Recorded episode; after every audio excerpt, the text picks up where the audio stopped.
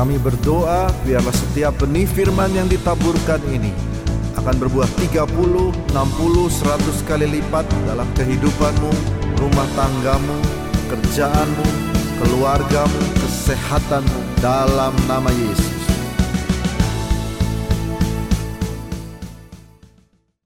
Baik, kita akan masuk firman Tuhan.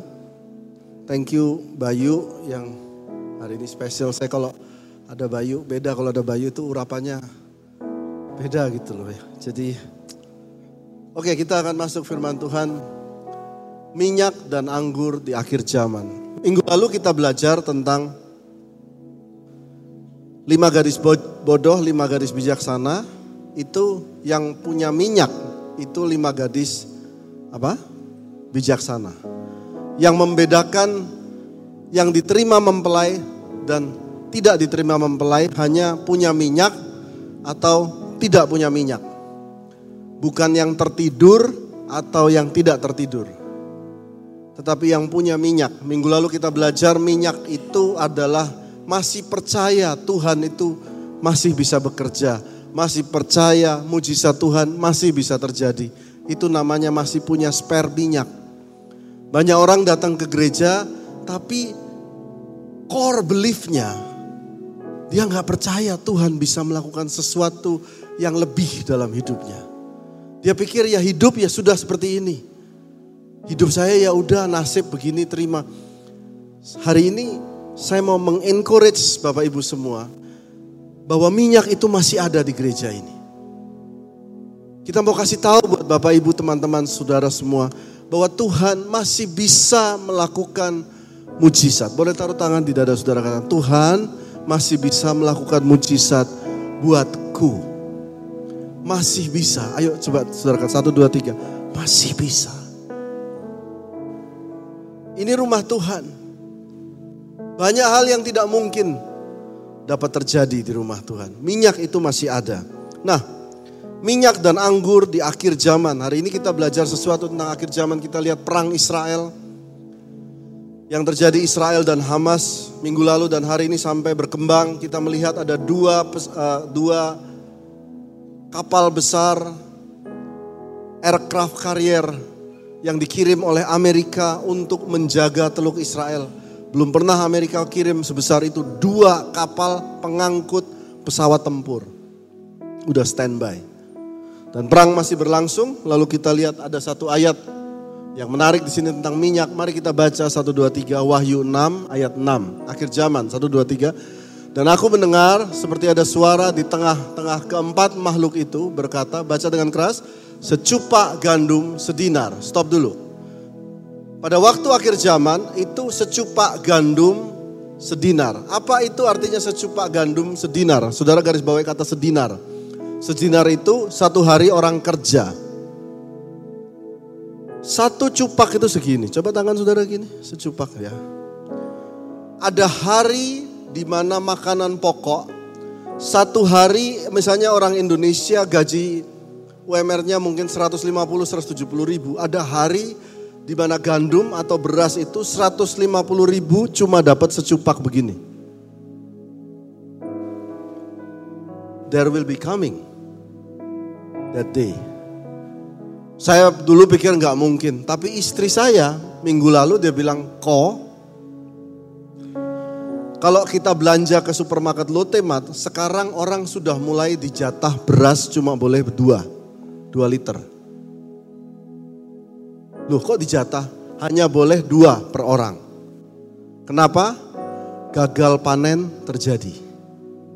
Ayo, dengan gelombang panas keliling dunia ini, gagal panen gak semua? Sudah mulai, beras sudah mulai naik. Jadi jangan main-main dengan firman Tuhan, Mari kita lihat terus secupak gandum sedinar, baca terus dan tiga cupak jelai sedinar sama gandum jelai. Lalu baca dengan keras tetapi janganlah rusakkan minyak dan anggur itu. Dua yang Tuhan tulis minyak dan anggur jangan dirusak. Kita belajar minyak itu adalah iman. Anggur itu apa? Orang bilang, oh itu sukacita. Anggur itu roh kudus. Mari kita lihat Tiga hal bukan? Ya. Yang pertama gandum dan jelai. Katakan bersama saya satu dua tiga. Gandum dan jelai. Yang kedua minyak. Yang ketiga anggur. Tiga hal ini. Nah mari kita pelan-pelan kupas menurut firman Tuhan. Saya tadi malam cari apa itu minyak dan anggur. Oke, ulangan 11 ayat 14. Maka ia akan memberikan hujan untuk tanahmu pada masanya hujan awal dan hujan akhir sehingga engkau dapat mengumpulkan gandummu, anggurmu, dan minyakmu. Ayo saya baca lagi sekali lagi. Maka Tuhan akan memberikan hujan untuk tanahmu pada masanya, hujan awal dan hujan akhir, sehingga engkau dapat mengumpulkan. Mari baca, ada ayat ini muncul. Gandummu, anggurmu, minyakmu. Jadi kita harus ingat sekarang bahwa kehidupan manusia dari perjanjian lama sampai perjanjian baru sampai hari ini ini ada tiga hal. Gandum, makanan pokok, anggur, minyak. Itu sesuatu, siapa yang nggak perlu minyak goreng? Perlu kan semua di sini? Anggur sesuatu yang suka cita, saudara juga perlu. Gandum, anggur, minyak itu dari zaman perjanjian lama sudah ada. Tetapi Alkitab menuliskan begini, mari baca yang di atas. Maka ia memberikan hujan untuk tanahmu pada masanya hujan awal dan hujan akhir.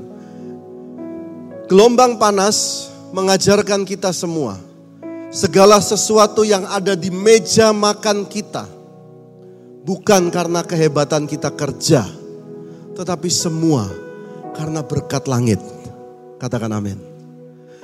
Makanan ini bisa tersedia ada awalnya sebenarnya simple karena Tuhan memberikan hujan dan cuaca yang baik sehingga tanaman bisa dipanen lalu ada di meja makan kita.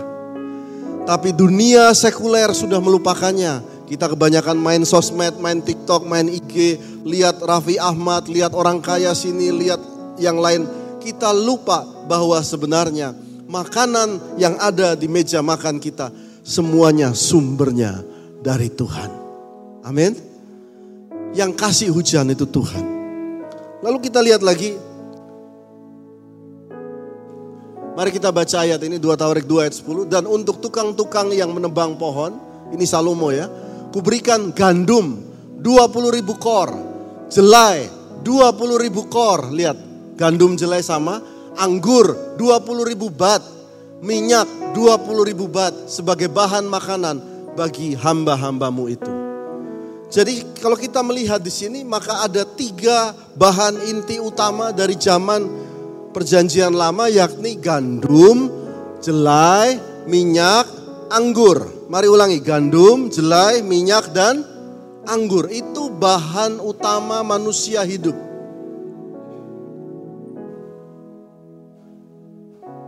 Poin yang pertama, gandum, minyak, anggur dari Tuhan. Semua yang ada dari Tuhan. Mari kita baca satu dua tiga. Gandum, minyak, anggur dari Tuhan. Semua yang ada dari Tuhan. Semua. Anak saudara, pekerjaan saudara, makanan makan siang saudara, nasi goreng saudara, tukang nasi goreng, siapkan nasi goreng. Saudara harus terima kasih Tuhan. Semua. Karena ada hujan di langit. Jangan lupa itu. Amin. Lalu ayatnya menuliskan seperti ini. Poin dua, dia tulis mari ikut saudara baca bersama saya satu dua tiga. Di akhir zaman akan diambil satu. Tapi ingat masih punya dua. Ini dalam. Wahyu 6 ayat 6 berkata gandum sedinar secupak, jelai harganya naik. Tetapi anggur dan minyak jangan kau rusak. Jadi artinya apa? di akhir zaman ini, salah satu dari kebutuhan akan diambil. Waktu itu terjadi, akan chaos terjadi, pemerintahan goncang dan sebagainya. Tetapi ingat firman Tuhan hari ini sudah kasih tahu, ada tiga bahan dasar untuk hidup. Satu diambil, Anda masih punya dua. Jadi jangan panik, katakan amin. Waktu anggur gandum gak ada, makanlah Indomie. Amin. Buat saudara semua sekalian firman ini berkata apa di akhir zaman ini firman juga relate buat kita. Kalau ada satu bagian kita yang diambil dan belum diizinkan Tuhan buat kita miliki, entah itu area anak, area area pekerjaan, area uang dan sebagainya. Saudara harus ingat, masih ada beberapa bagian yang Tuhan tidak ambil. Bersyukurlah atas beberapa bagian yang Tuhan tidak ambil itu. Katakan amin. Bartimeus buta, dia masih dapat berseru kepada Tuhan. Dia buta, dia buta. Yesus anak Daud. At least dia masih bisa berteriak. Katakan amin. Tidak ada penglihatan, tapi Tuhan masih kasih suara. Jadi buat saudara semua belajar mengucap syukur. Katakan amin. Belum, oh Pak saya kok belum diterima kerjaan. Betul, tapi Tuhan masih kasih Anda kesehatan. Bersyukurlah untuk itu. Pak saya kok gak bisa kerja. Tuhan masih kasih orang tuamu. Masih bisa memberkati engkau. Bersyukurlah. Ada yang di sini nggak ada orang tua. Orang tuanya sudah meninggal semua. Saudara susah kayak senang nggak ada yang tahu. Giving thanks. Mari katakan taruh tangan dada katakan bersyukur. Bersyukur ya. Nah.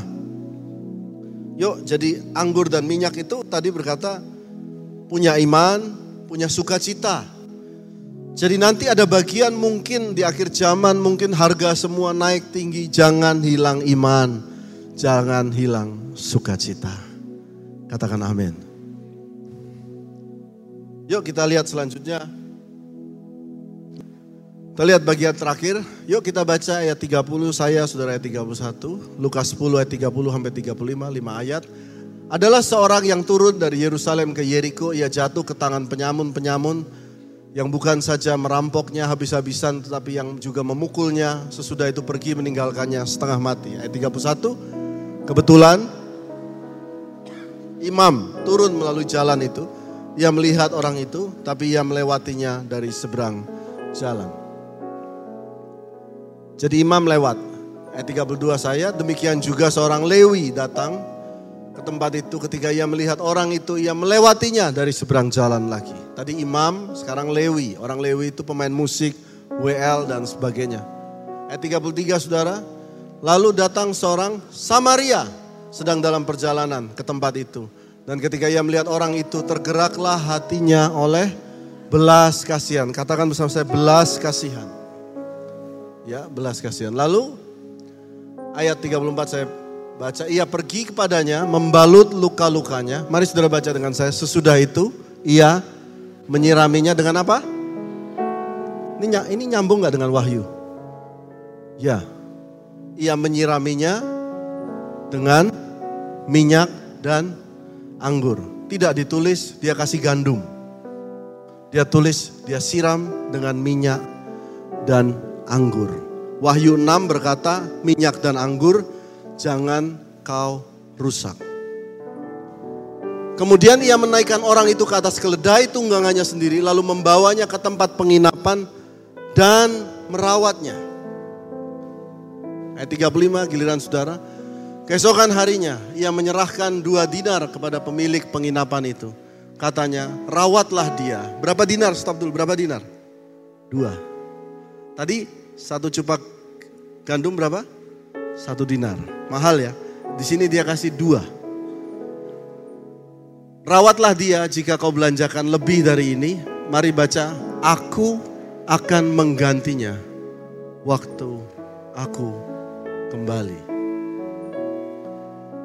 Yang ketiga, jadikan pelayanan Yesus sebagai teladan. Ini perhatikan di akhir zaman ini. Di akhir zaman ini, pelayanan menolong orang. Jangan tidak sampai dilakukan. Sebanyak-banyaklah tolonglah orang yang saudara lihat jatuh, tolonglah dia. Katakan amin. Karena pelayanan ini, saudara lihat seorang ahli teolog mulai cerita seperti ini.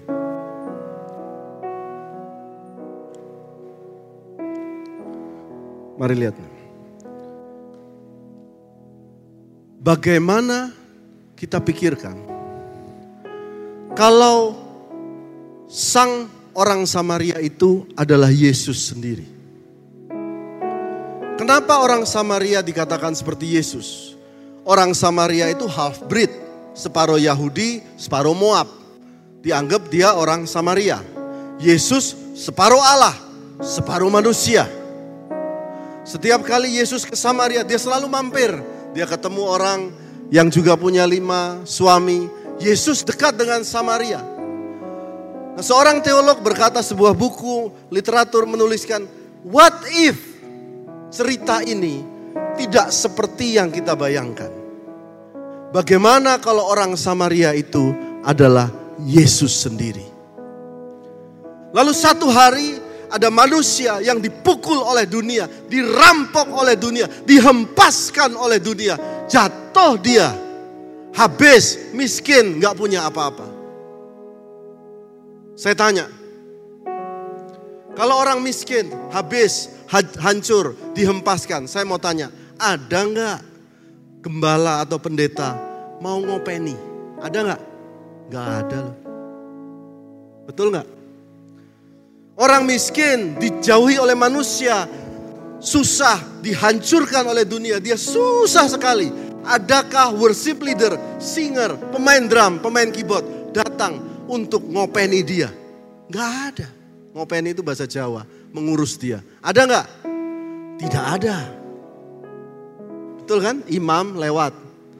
Orang Lewi lewat. Hanya satu yang tidak meninggalkan si orang Samaria tadi, yakni Yesus. Katakan Yesus. Jadi waktu saudara susah, ditinggalkan manusia, jangan salahkan gereja. Pak nggak ada yang nolongin saya, memang. Karena di saat-saat itulah engkau hanya bisa berteriak kepada si orang Samaria Yesus tadi, Yesus, aku habis. Nah lihat baik-baik. Orang Samaria itu datang memberikan dia dua hal. Minyak dan anggur. Betul ya? Yesus memberikan minyak dan anggur kepada orang yang sedang susah itu. Minyak dia berikan iman. He give you faith. Hei, kamu pasti bisa bangun lagi. Kamu bisa diterima lagi. Kamu akan kuat kembali. Lalu dia berikan anggur yang artinya sukacita. Nanti kamu minum ya sukacita. Kamu bisa berbahagia kembali. Hari ini buat saudara-saudara yang datang ke gereja yang sedang susah hatinya, saya mau berkata ada harinya di mana kalian akan berbahagia kembali. Minyak dan anggur, katakan bersama saya minyak dan anggur. Lalu dia titip dua dinar. Nah, lihat di sini baik-baik. Berapa dinar? Dua dinar kepada tukang penginapan. Dan dia berkata, saya titip ya dia, rawatlah dia dengan minyak dan anggur yang ada ini. Siapa tukang penginapan itu? Tukang penginapan itu adalah gereja. Penginapan itu adalah gereja. Dia merawat semua orang yang luka, semua orang yang sakit datang dikasih firman, dikasih minyak, dikasih anggur, dikasih kekuatan. Gereja merawat itu. Church take care of it. Tetapi buat kita yang melayani Tuhan, tadi malam saya baca ayat ini, tiba-tiba saya menangis, saya menangis saudara. Saudara kira saya nggak punya beban. Ini nggak apa-apa ibadah tiga, saya nggak bisa cerita di ibadah dua atau ibadah tiga. Saya menangis karena Yesus berkata, aku kasih kamu dua dinar ya. Tahu buat apa? Satu dinar buat rawat dia. Satu dinar aku titip buat kehidupan pribadimu. Berikan tepuk tangan buat Tuhan. Tuhan itu mengingat juga orang-orang yang merawat rumah Tuhan. Buat Ryan, dia ingat. Buat Bayu, buat Dodo, he remembers. Dia kasih dua. Dia kasih dua dinar. Tapi kita ini yang melayani Tuhan, saya sebagai gembala, nggak habis-habis. Kemarin ngecat atas, kemarin perbaiki AC, nggak habis-habis antara keuangan sama operasional, keuangan sama operasional. Dan tiba-tiba firman ini berkata begini. Yuk kita lihat ayatnya tadi.